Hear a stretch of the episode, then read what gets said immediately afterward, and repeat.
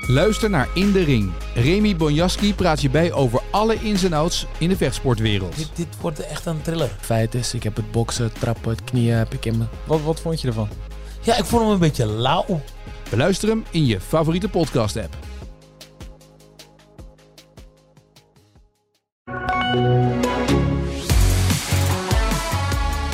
Overmacht. Met dat woord kunnen we het weekend van Barcelona en van de Formule 1 wel samenvatten. En dan overmacht van één man, Max Verstappen. Cruisend won hij de Grand Prix van Spanje voor twee Mercedes-coureurs. En over het weekend in Spanje praat ik namelijk met onze man in Barcelona, onze AD F1-watcher Marijn Albuis. Ik ben Etienne Verhoef. Um, had jij nog enig idee dat het spannend zou worden, Marijn, deze race, of niet? Nee, nooit. Nooit één seconde heb ik Eerste bochtje gehad. dacht ik het nog een beetje. Ja? Ja, ik dacht, stel nou dat. Nou ja, weet je, hij zat er meteen in de volle lengte voor. En toen eh, wist je het al wel. Het was een beetje een wanhoopspoging van Sainz. En van tevoren zit je dan te speculeren. Hè. Zal die er nou, zou die nou met heel veel risico en dan misschien Verstappen de afrijden? Eh, omdat hij eigenlijk heel weinig te verliezen heeft. Maar ja, aan de andere kant, hij heeft natuurlijk hartstikke veel te verliezen. Ja. En als hij daar dan aan de buitenkant zit, ja, hij gaat er niet zomaar in de auto van Max Verstappen sturen. Dus ik wist het eigenlijk na drie seconden. Maar het was het hele weekend, het weekend van Verstappen in Barcelona, toch? Ja, maar het is nu dus eh, de race in Miami, de kwalificatie in Monaco, de race in Monaco, de kwalificatie in Spanje, en de race in Spanje. Het is, ja, er komt niemand meer tussen. Hij wint alles en ja, je ziet het ook niet zo gauw veranderen eigenlijk. Nee, dat is het, hè. Wie, wie, zou er nog, wie zou daar wat aan moeten doen? Ja, Perez. Maar Perez moet Ja. ook geluk hebben dat hij iets heeft, want op waarde klopt hij hem nooit. Nee. Nee, dat is het. En, en dus kunnen we naar hele andere dingen gaan kijken, toch? Want ik krijg ineens allerlei berichten over Grand Slams, hè? De, de acht uit de jaren zestig. Daar zou Verstappen nu wat aan kunnen gaan doen. Hij zit nu op drie, op drie. Daar moeten we maar naar gaan kijken. Leg mij eens uit, wat is die Grand Slam dan? Het gaat erom dat hij van pole start, dus pole position. Ah, en dan ja. alle rondjes eh, eh, Oh, eh, zo. op kop rijden. Oh zo, ja, en de nee, dat snelste ronde. Nee, oké, ja, nee, klopt. Hij heeft, hij heeft alles, ge- alles geleid. Elk rondje heeft hij geleid. Dus vanaf de kwalificatie tot, tot het einde. En ehm, ja, de anderen zijn niet dichterbij gekomen. Nee. nee, maar dat soort dingen gaan mensen dus nu erbij halen, toch? Wat zo bijzonder is dat dus, wat hij nu aan het doen is. En de de overmacht van Red Bull. ja, maar dat is het wel, hè? Want je zit, ehm, je zit natuurlijk na te denken van hoe, hoe, hoe steek je dan nu weer zo'n verhaal in, zo'n analyse in, ehm, na zo'n weekend, waarin we hebben gezien wat we allemaal hadden verwacht te zien en waarin er eigenlijk geen, geen moment van spanning zat. Dus ik ben eigenlijk teruggegaan naar zeven jaar geleden. eh, De Grand Prix van Spanje die die won in 2016. Hè, was de eerste race in een Red Bull. De eerste race die die won. Dat weten we allemaal natuurlijk. En dat in die tijd, dat hij nu dus 40 races gewonnen heeft. Dat dat wel echt bijzonder is. En als je dan ook nog eens kijkt. De laatste 20 races zijn allemaal sinds de start van het seizoen van 2022. Sinds die, die race won in Abu Dhabi Ja. waarmee hij zijn eerste wereldtitel pakte. Sindsdien zijn er 29 races eh, eh, geweest, waarvan hij er 20 gewonnen heeft. Ja, eigenlijk, die nieuwe wagens zijn voor Red Bull echt fantastisch uitgepakt, toch? Ja, dat is niet normaal. Dat is niet normaal. En nu begin je bij die andere teams te zien dat ze gaan begrijpen wat ze moeten doen. Dat, eh, dat als ze updates hebben, dat die ook meteen de goede kant op gaan. Dat ze er daadwerkelijk beter van worden. Maar pijnlijk is dat ook Red Bull niet eh, stilstaat. Die, die blijven zich ook ontwikkelen. Die blijven beter worden. Dus Mercedes heeft nu een weekend waar ze heel veel hoop uitputten. Maar tegelijkertijd zien ze dat ze nog steeds niet dichter bij Red Bull zijn geweest. Ergens heeft Lewis Hamilton tussen neus en lippen door gezegd van... het is goed om te zien dat we dichter bij de Bulls komen. Maar dat is helemaal niet waar. Nee, want dat gat, we hebben vorige week dat rijtje opgenoemd in de podcast. Eh, dat, gat, dat, dat gat is nog steeds hetzelfde. Ja, en eh, Verstappen had har- harder gekund als hij had gewild. Als het nodig was geweest. Nou, ik moet ook zeggen dat lang geleden dat ik kwalificatie zat te kijken op zaterdag. Waarbij de Mhm. tijd eh, in de derde kwalificatieronde al in het eerste rondje was neergezet. En dat niemand er meer aankwam. Ja, niemand kwam... het was niet alleen dat niemand er meer aankwam. Er was er maar één die binnen een halve seconde van hem zat. Ja, maar dat. dat hij zelf zijn team heeft moeten overtuigen dat hij nog een keer naar buiten mocht. Omdat hij nog wel zin had in nog een extra rondje. Omdat hij dacht dat hij nog sneller kon. Ja, dat hè. Ja. Ja. Hoe zit Verstappen daar dan bij, bij de persconferentie en dat soort dingen? Hoe, hoe, is hij er dan onder? Nou, hij is natuurlijk mega ontspannen. Hij zit een beetje grapjes te maken. Hij uh, haalt zijn schouders overal voorop. En uh, hij zegt natuurlijk heel netjes dat ze vooral uh, niet moeten stilstaan. En dat ze vooral, weet je, hij, hij waakt ervoor om arrogant te doen. En dat lukt hem heel goed. Want ik denk ook niet dat hij arrogant is. Um, dat zit niet in hem. En ja, dat doet hij uitstekend. Dus wat dat er gaat, lees je niet aan hem af dat hij, ja, dat hij onbedreigd nog 15 races gaat winnen dit seizoen. Maar ja, hij maakt zich helemaal nergens zorgen om. Nee, dat zou ik me ook niet doen, zeg maar. Ik bedoel, uh, dit, is, dit is zeg maar betrouwbaarheid, dit is snelheid, dit is een gat tot de, tot de concurrentie.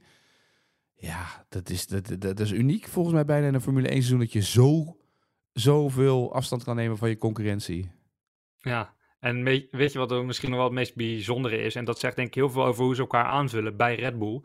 Kijk, dus Red Bull had ook een paar updates gehad. En dan ben je natuurlijk altijd aan het kijken van hoe is dan de balans in de auto. En uh, betekent dit dat we kleine dingen moeten aanpassen om ervoor te zorgen dat het allemaal uh, weer gaat voelen zoals ik het liefst heb dat het voelt. En de eerste ronde in de eerste vrije training was gewoon meteen oké. Balans was meteen goed, niks aan het handje. Ja, ja en dan, dan heb je tijdens die training ook nog even de ruimte om nog even te zeggen dat Helmut Marko gebeld wordt op zijn oude Nokia. Hè? Ja, ja. ja, ja, ja, op dat niveau zitten we. Ja, ja. En, en, en de rest, want ik bedoel, wordt de rest al een beetje moedeloos? Want je zegt net, ja, Lewis Hamilton zegt, we zijn dichter bij de Bulls gekomen, dat is het gevoel. Maar het, is de rest al een beetje moedeloos aan het worden? Nou ja, ze hebben natuurlijk niet echt de ruimte en niet echt de tijd om moedeloos te worden van het gat met, met, uh, met Red Bull. Want dat is niet de focus die ze hebben. Er is, uh, er is natuurlijk een strijd gaande um, om plek 2. En um, waar Ferrari en Mercedes aan het begin van het seizoen nog teleurgesteld konden zijn dat ze daarin verwikkeld zouden raken, hebben ze natuurlijk heel snel geconstateerd dat ze die zomaar eens zouden kunnen verliezen, omdat Aston Martin er goed voor staat. Uh, dus die hebben een hele flinke stap terug moeten doen. Dat hebben ze ook gedaan. Hè? Hebben ze, hebben ze ook in woorden uitgesproken. Dat is er af en toe best wel hard aan toegegaan. Ook best wel pijnlijke uitspraken hebben we gehoord al in het Midden-Oosten. Um, dus ja, die knop is inmiddels om. En, en die focus is inmiddels anders. Dus ik heb, ik heb twee, twee Mercedes-coureurs gezien die ja, niet bepaald moedeloos uh, naast Verstappen zaten. Die, die, die, die waren juist heel hoopvol en heel positief. Um, en dat zegt denk ik het meest. Ja. Ja, misschien moeten ze dat ook wel zijn omdat ze anders denken, ja, wat zit ik hier anders in die cockpit te doen? Ja, en weet je, um, Hamilton keek natuurlijk al heel snel uh, richting volgend jaar. Hij zegt hoe beter het ons lukt om stappen te blijven maken dit jaar, ook al weten we dat we bij Red Bull nooit meer in de buurt gaan komen, kan het er wel voor zorgen dat we volgend jaar misschien wel die strijd aan kunnen gaan. Ja, dat vind ik wel. Misschien is dat ook wel interessant voor deze week voor ons om uit te zoeken op het gevaar of dat iedereen dat nu gaat doen, omdat iedereen natuurlijk deze podcast gelijk al luistert. Maar um, in die suprematie van uh, Mercedes, hoe lang duurde het voordat andere teams in de buurt kwamen? Want daar hebben we ook gehad dat Hamilton en Bottas wegreden die zagen we nooit meer. En we keken naar de strijd om plek 3, 4, 5. Um, want Verstappen kwam uiteindelijk dichterbij. Maar dat heeft wel een aantal jaar geduurd. Dus zouden we wel eens in kunnen duiken qua data, hoe dat zat. Ja, ja het heeft super lang geduurd natuurlijk. Hij heeft in het, in, in het laatste jaar van het vorige regelpakket... heeft hij ze eindelijk een keer verslagen. En niet omdat hij de beste auto had, maar omdat hij gewoon beter was. Tenminste, die conclusie durf ik wel eens een beetje te trekken, aangezien aan het einde van, van het jaar de Mercedes zo onwijs hard liep. Um, dat je het gevoel had dat Verstappen met minder materiaal moest doen. Um, dus dat zou niet hoopgevend moeten zijn voor de concurrentie. Wat het verschil is met toen, is nu die regels. Hè, uh, dat ze proberen te nivelleren en dat ze er alles aan doen om ervoor te zorgen dat ja, de beste teams, um, dat het voor hen zo moeilijk mogelijk wordt om um, hun voorsprong te vergroten. En het, het rest het makkelijker heeft om die voorsprong te verkleinen. En daar hebben we nu natuurlijk met Aston Martin wel een eerste indicatie van gekregen uh, aan het begin van dit seizoen. Dus ja, enerzijds zou je zeggen van nou, we kunnen wachten tot 2026 voordat de rest er weer een keertje dichterbij in de buurt komt. Maar misschien kan het wel iets eerder. Uh, iets eerder. Maar dit is een beetje hoop toch? Ik bedoel, als je zo'n groot gat hebt, die 20 seconden, 25 seconden dicht zit toch niet zo snel? Ja, nee. Nee. Nee. Hey, en al die Spanjaarden, gingen die een beetje teleurgesteld naar huis? Want die hadden natuurlijk allemaal ingezet op, nee, Eerst Alonso, dat werd dan misschien Sainz. Maar dit is helemaal geen Spaans weekend. Nee, helemaal niet. Nee, het was een uh, heel tegenvallend weekend voor Aston Martin. En ja, Sainz heeft het denk ik gewoon goed gedaan, maar er zit niet meer in, die Ferrari. Nee. Dus ja, met welk gevoel gaan zij naar huis? Ehm, het stroomde snel leeg in ieder geval. Ja, dat snap ik, Ik, ja. Ik had verwacht dat we deze podcast een uurtje later zouden opnemen. Op basis van het verkeer van de afgelopen dagen. Maar eh, iedereen wilde zo snel mogelijk thuis zijn. Maar Alonso was toch eigenlijk de grootste tegenvaller dit Grand Prix weekend? Nou, zeker weten. Dit was met afstand zijn, zijn, zijn minst succesvolle Grand Prix dit seizoen. En het heeft er eigenlijk nooit in gezeten. Hij maakte een foutje in de kwalificatie. Waardoor hij zijn vloer wat beschadigde. Nou, daar gaf hij dan vervolgens. Dat gaf hij vervolgens de schuld voor het feit dat hij maar negende werd in de kwalificatie. Mocht van acht starten vanwege een. eh, penalty eh, van, van, van Gasly. En is ehm, ja, niet super snel geweest. Eh, in de slotfase leek hij er iets beter doorheen te komen. Ja. Ehm, maar ja, hij voelde zich niet, niet, niet dusdanig eh, overtuigd dat hij zelfs ook maar vroeg aan zijn teamgenoten of team voorbij wilde laten gaan. Dus Nee, sterker nog. genoeg. Hij zei, ik laat Stroll gewoon voorgaan, hè? Ja, ja. Ja, ik ben niet in de gelegenheid geweest om hem die vraag te stellen. Wel om aan Lance Stroll de vraag te stellen van... eh, wat, wat vond jij er nou van? Wat vind jij eruit spreken dat hij jou niet aan wil vallen... ondanks dat het zijn thuisrace is... en dat hij ja, derde staat in het WK en elk punt daarin kan tellen? Ehm, hoeveel respect spreekt daaruit? Nou ja, daarvan zei Stroll... ja, we hebben gewoon sowieso heel veel respect voor elkaar. En eh, Stroll had hem die plek natuurlijk niet gegeven. Die, eh, die was altijd gaan strijden. En hij zegt, ja, dan is het wel gewoon de beste keuze van ons allebei. En in dit geval dus de call van Alonso om dan eh, de mensen in de fabriek te respecteren, zoals ze dat zo mooi en clichématig zeggen. En het risico zo klein mogelijk te laten zijn dat we elkaar van de baan afrijden. Maar ja, Alonso die Stroll aan wil vallen, gaat Stroll natuurlijk ook voorbij. Ja, dit jaar wel. Ja, Ja, toch? ja.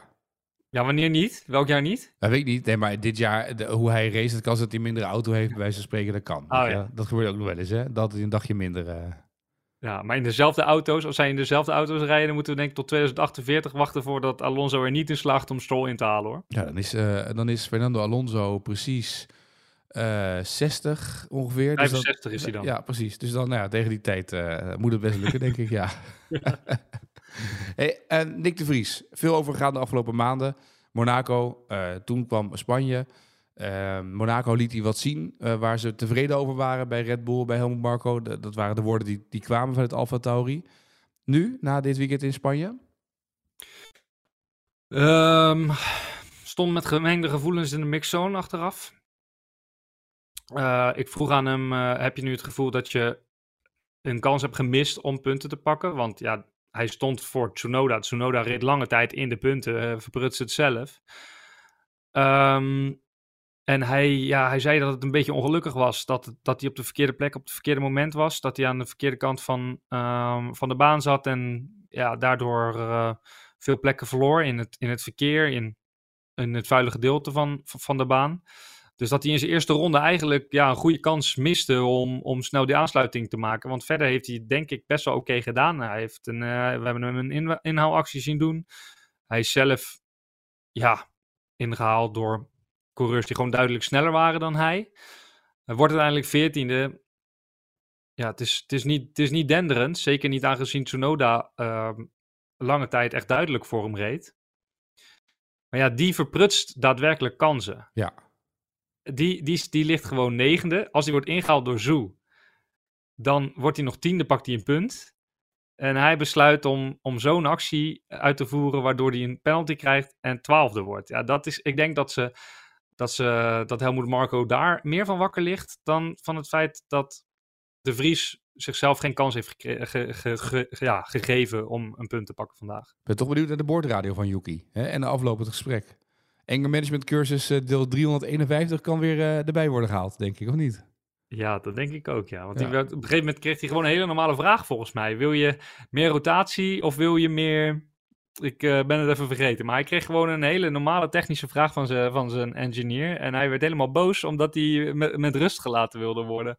Dat zegt natuurlijk ook wel iets over ehm, ja, hoe hij met zo'n situatie omgaat. En wij willen gewoon heel graag zien hoe Nick de Vries met zo'n situatie omgaat. Dus het is mega frustrerend dat hij daar niet in komt. Voor ons als kijker, maar ik denk voor hem eh, als coureur al helemaal. Want ja, vandaag had het toch echt wel gekund of zo. Die auto die wordt beter. Hij stond 14e. Ehm, en Tsunoda stond 15e. En die komt in die top 10. En hij niet. En ja, Ja. het moet een keertje goed vallen voor hem. Ja, het moet, en, en- en wat mij ook opviel dit hele weekend was dat veel coureurs last hadden van met hun banden. Ze wisten allemaal niet precies wat er nou onder moest onder die auto. Nee, maar dat is typisch voor Barcelona. Dat gaat hier altijd hard. Het is best wel warm. Ehm, en ehm, ja, die banden lijken ook allemaal best wel veel op elkaar, als ik het goed begrepen heb. Ehm, Verstappen zei dat die medium gewoon heel dicht bij de soft zat en het dan misschien alleen iets langer zou kunnen volhouden. En hij zei ja, de, de harde was een slechtere soft, want die gleed alleen maar. Dus ja, dat is wel, dat is een beetje inherent aan, aan dit circuit. Want je hoorde al aan het begin van het weekend dat, dat het daar ook in zou zitten voor veel teams en veel coureurs. Ja, nou dat zag je, want, want ook bij die Haas waren, er zat een band onder, die was zo naar 600, was die ongeveer weg. Ja, en Leclerc die begint op hard Ja. en die gaat zo'n beetje als eerste naar binnen van iedereen. Ja. En vervolgens, als ik me niet vergis, als ik het me goed heb laten vertellen, weer terug te gaan naar de band waarop die is gestart. Later, in de race. Ja, Dat heb ik niet gezien. Dat is een... eh, nee, ik, kreeg, ik kreeg een tip dat het ernaar uitzag alsof die, alsof die terug ehm, eh, wisselde naar de band waarop die was gestart. Wat, heel raar, wat me heel raar lijkt, maar ja, misschien was dat de beste band die nog over had, met wat hij allemaal al verbruikt had en verspeeld had. Maar... Ja, als overal grind op zit, is het een stuk lastiger om banden nog over te houden natuurlijk, hè? Ja, en het zou wel verklaren waarom hij per se op een rode band wilde blijven rijden. Omdat hij dan blijkbaar wist dat dit het, andere, dat dit het alternatief was. Ja, ja. Weggegooide race voor hem ook. Voor, voor ja, Ferrari staat er echt niet goed voor. Niet? Vind je van niet? Nee, Nee? Oh. er zit geen ontwikkeling in, hè? Nee, niks hè? Nee, er zit geen ontwikkeling in. sterker nog, het ontwikkelt zich zo slecht dat dat, dat hele weekend van Leclerc, nou, die moet toch ongeveer nachtmerries hebben van die weekenden die hij heeft, toch nu? Ja, maar ja, waar, waar, waar moet hij dan nu nog... Waar moet hij nog op hopen? Waar moet hij nog voor gaan? Wat is, wat is, zijn, wat is zijn doel voor de rest van het seizoen? Ja, ja. Ja, ze moeten hopen dat ze plek 3 kunnen halen in het Constructors uh, kampioenschap. lukken. Nee. Gaat niet lukken. Dat is uitgesloten. En dan hebben ze, moet je beseffen, dat ze dus vorig jaar een enorme schoonmaak hebben gehouden. En dan krijg je dit jaar zo'n jaar. Ja, maar ja, dat is het, hè. Zij hadden eh, vorig jaar aan het begin van het jaar hadden ze eh, de beste auto, leken ze de beste auto te hebben, maar hij is al doorontwikkeld. Ze kunnen er, ze kunnen er bijna niks meer aan verbeteren. Ehm, Maar dat is toch Dus- gek, want iedereen kan doorontwikkelen. Dus, dus wat doe je dan? Dan blijf je dus vasthouden aan wat je had. Nou ja, ja, ik, ja ik, heb me, ik ben niet zo super eh, goed in het hele technische aspect, maar ik heb me laten vertellen dat er gewoon niet zoveel ruimte eh, voor verbetering is in het concept wat zij hebben gekozen. Dus zij zullen die auto ook, net als Mercedes, helemaal opnieuw moeten inrichten om ervoor te zorgen dat ze op een gegeven moment weer een stijgende lijn kunnen pakken. Maar ja, daar, dat hebben ze natuurlijk heel lang niet gedaan, omdat ze over één rondje het best wel goed doen. Dus ze zien dat de snelheid in die auto zit. Alleen ja, op race pace blijft het gewoon heel ver achter ten opzichte van, nou zeker Red Bull, maar ook Aston Martin en, en Mercedes die het gewoon op, op, op race tempo hartstikke goed doen eigenlijk, vergeleken met Ferrari. Eh, er komen dit soort weekenden allerlei statistieken voorbij. Hè? Eh, en dan is een van die statistieken eh, nog één overwinning en dan staat Verstappen gelijk met Ayrton Senna. Ja, En toen dacht ik, is dat nou een hele verre vergelijking? Ehm, want er wordt nu meer geraced en andere tijd. Maar ik ben even gaan uitzoeken. Senna heeft tot zijn dood 11 jaar Formule 1 gereden. Verstappen zit nu in zijn negende jaar. Ehm, Senna heeft 162, 162 starts achter zijn naam staan, met het aantal overwinningen. Verstappen 171 starts. Dus eigenlijk is dat best te vergelijken, Senna en Verstappen. Eh, Het is, is dat lastig om dat te gaan vergelijken, omdat hij eerder is overleden. Maar eigenlijk kan het dus wel. Ja het, is, het is zeker te vergelijken. Ik zat toevallig ook naar het staatje te kijken. Ehm, en, en dan kijk je ook al gauw naar de percentages, hè, want die zijn dan wel, best wel belangrijk om het een beetje te nuanceren. Want Verstappen zou zomaar dit seizoen naar nog, nog naar de top 3 kunnen gaan. Als hij, alles, als hij alles wint, en waarom zou hij niet alles winnen? Dan gaat hij de top 3 in. Want eh, uit mijn hoofd heeft Proster 51 en Vettel 53. Ehm, en dan denk je, ja, weet je, er zijn een hoop races. En sinds, sinds Barcelona zijn er nog vier seizoenen geweest, inclusief 2016, dat hij nooit meer dan drie races in een jaar won. Ehm, maar ja, als je kijkt naar hoe, ja, hoe weinig die nog laat liggen, ja, is hij ook in percentages wel heel snel richting die grote man aan het gaan. En ja, op die manier als hij natuurlijk dadelijk zijn, zijn derde, misschien wel zijn vierde, misschien wel zijn vijfde, ja, dan is hij al die jongens ook meteen voorbij. Ja, nou dan weet ik niet wel. Als dat zo doorgaat, dat de komende jaren sportman van het jaar bekend is, toch? Of niet? Ja, ja. Of wordt het ook al bijna normaal dan dat iemand wereldkampioen wordt? Ja, ja, nee, dat kan niet. Ja, dit is de allergrootste van, van dit moment. Weet je, ik, ja, ik ga er toch ook vanuit dat in de jaren 70 Johan Cruijff elk jaar sportman van het jaar werd, of niet? Ik weet niet of die verkiezing toen al eh, werd gehouden, eerlijk gezegd. Oh, Want dan zou Johan Cruijff de Rinus Michels Award of zoiets krijgen. Dat is een beetje, nee, nee, maar dat is een beetje, eh, dat, ik, nee, ik weet niet. Jaap Ede is het natuurlijk, maar Ja. ik weet niet of dat, eh, eh, of dat toen al was eigenlijk. Zou ik niet weten. nee, maar goed, hij is de beste. En hij Ja. doet iets wat nog nooit iemand eerder heeft gedaan. En ehm, ja, we kunnen het normaal gaan vinden. Maar ik probeer mezelf toch heel vaak eraan te herinneren dat dat niet normaal is. En gelukkig zitten er dan weekenden bij, zoals vorige week in Monaco. Waarin hij ook echt iets bijzonders doet. Gewoon zichtbaar iets bijzonders doet. Ik heb die bocht, die binnenbocht in de kwalificatie. Die heb ik inmiddels al vaak teruggekeken, kan ik je vertellen hoor. Ja, toch Ja, die heb Ja. ik vaak teruggekeken. Daar, daar heb ik er gewoon zo onwijs van genoten. Ehm, maar dat hebben we vorige week al besproken. Maar een weekend als, een weekend als, als, als dit hier in Barcelona, ja, dat, daar val je bijna van in slaap. En dan denk je, oh ja, hij wint weer. Ja. Dus je moet je dan echt wel eh, jezelf er wel aan herinneren dat, dat het niet normaal is. En ehm, eh, veel Nederlanders ook in Barcelona die het feestje hebben meegevierd? Ja, ik heb wel Nederlands gezien, ja, maar het was overheersend donkergroen met nummer 14. Toch hè? Ja, na zo'n Ja. jaar. Ja. Ik ben trouwens wel blij dat Wout Poels vorige week de podcast heeft geluisterd. Ja, En dat hij bevestigde dat eigenlijk eh, regen in de bubbels een van de grootste zorgen is voor de gemiddelde monegask. ja klopt. En, eh, en dat zijn Gucci-kleren nat zouden worden, ja. Ja, nee, ik ben blij dat hij bevestigd heeft. Dat is toch prettig, hè? Het was al heel snel dat ik een berichtje van hem kreeg. Ik had niet anders verwacht. Om vervolgens een selfie te sturen met zijn fiets in een fietskoffer. En allemaal onderdelen lagen op de grond uitgestald. Want het leven in Monaco was zo luxe. Dat hij terug van trainingskamp zijn fiets zelf, helemaal zelf, in elkaar moest knutselen. Maar ik denk dat hij de enige miljonair in Monaco is die dat doet. Dat denk ik ook. Ja, ik denk dat al die andere miljonairs zeggen... hey, kom eens hier. Ja, Ik weet trouwens niet of Wout miljonair is, voor de duidelijkheid. Hè? Maar hey, 12.000, eh, er zijn 12.000 miljonairs in Monaco. Daarvan, dat is een derde van de bevolking. Dus de kans dat hij het is, is groter dan niet, zeg maar. ja. ja, ik denk het wel. Ik denk dat je weer een fotootje krijgt vandaag over de app. Dat je weer... Dat Van zijn weer- bankrekening. van zijn bankrekening deze keer. Of dat hij iets heel zwaar... Het is een beetje zoals Sergio Ramos ooit heeft gedaan. Hè? Die heeft dat bij het voetbal ooit gedaan. Toen hadden mensen gezegd dat hij zoveel geld, belachelijk veel geld kreeg, Sergio Ramos. Heeft hij een fotootje getwitterd van zijn bankrekening met zijn saldo. Wat hij per maand overgemaakt kreeg. Dat het toen... eh, ja, dat is ook, dat is, eh, maar het zal Wout Poels niet zo snel doen, denk ik. Nee hoor, hoef hem, hoef hem ook niet toe te, vergel- Nee. eh, te, te verleiden. Laat, het, laat hem dat maar lekker privé houden. Dat lijkt me ook wel, ja. Goed, eh weekje rust. Ja, ik ga op vakantie, dus ik heb een maandje rust. Ja, maar een weekje rust van de Formule 1. En dan volgende week... de- na dat weekje gaan we naar Canada. Dan gaat Arjan Schouten gaat weer eens een keer Formule 1 doen. Dat is misschien leuk. Ja. Nou, de kans is dat wetende best groot dat Canada niet doorgaat. Ja, dat is waar. Want als Arjan ergens heen gaat, dan weten we dat er wat misgaat natuurlijk. Heb jij, ehm wat is natuurlijk ook natuurlijk naar Italië gaan. Eh, eh, heb jij nog even tips voor hem? Hoe die, welke wereld hij nu binnenstapt? Want ja, hij is natuurlijk een tijdje niet naar de Formule 1 geweest. Ehm, ja, ik denk dat hij, moet, ik denk dat hij de wereld moet verwachten zoals hij hem kent. Met één dominant team. En eh, die zich daar misschien ook een beetje naar gedraagt. En alleen dat is nu niet Mercedes. Nou, dat wereldje kent hij wel, hoe een dominant team erin zit. Ja, precies.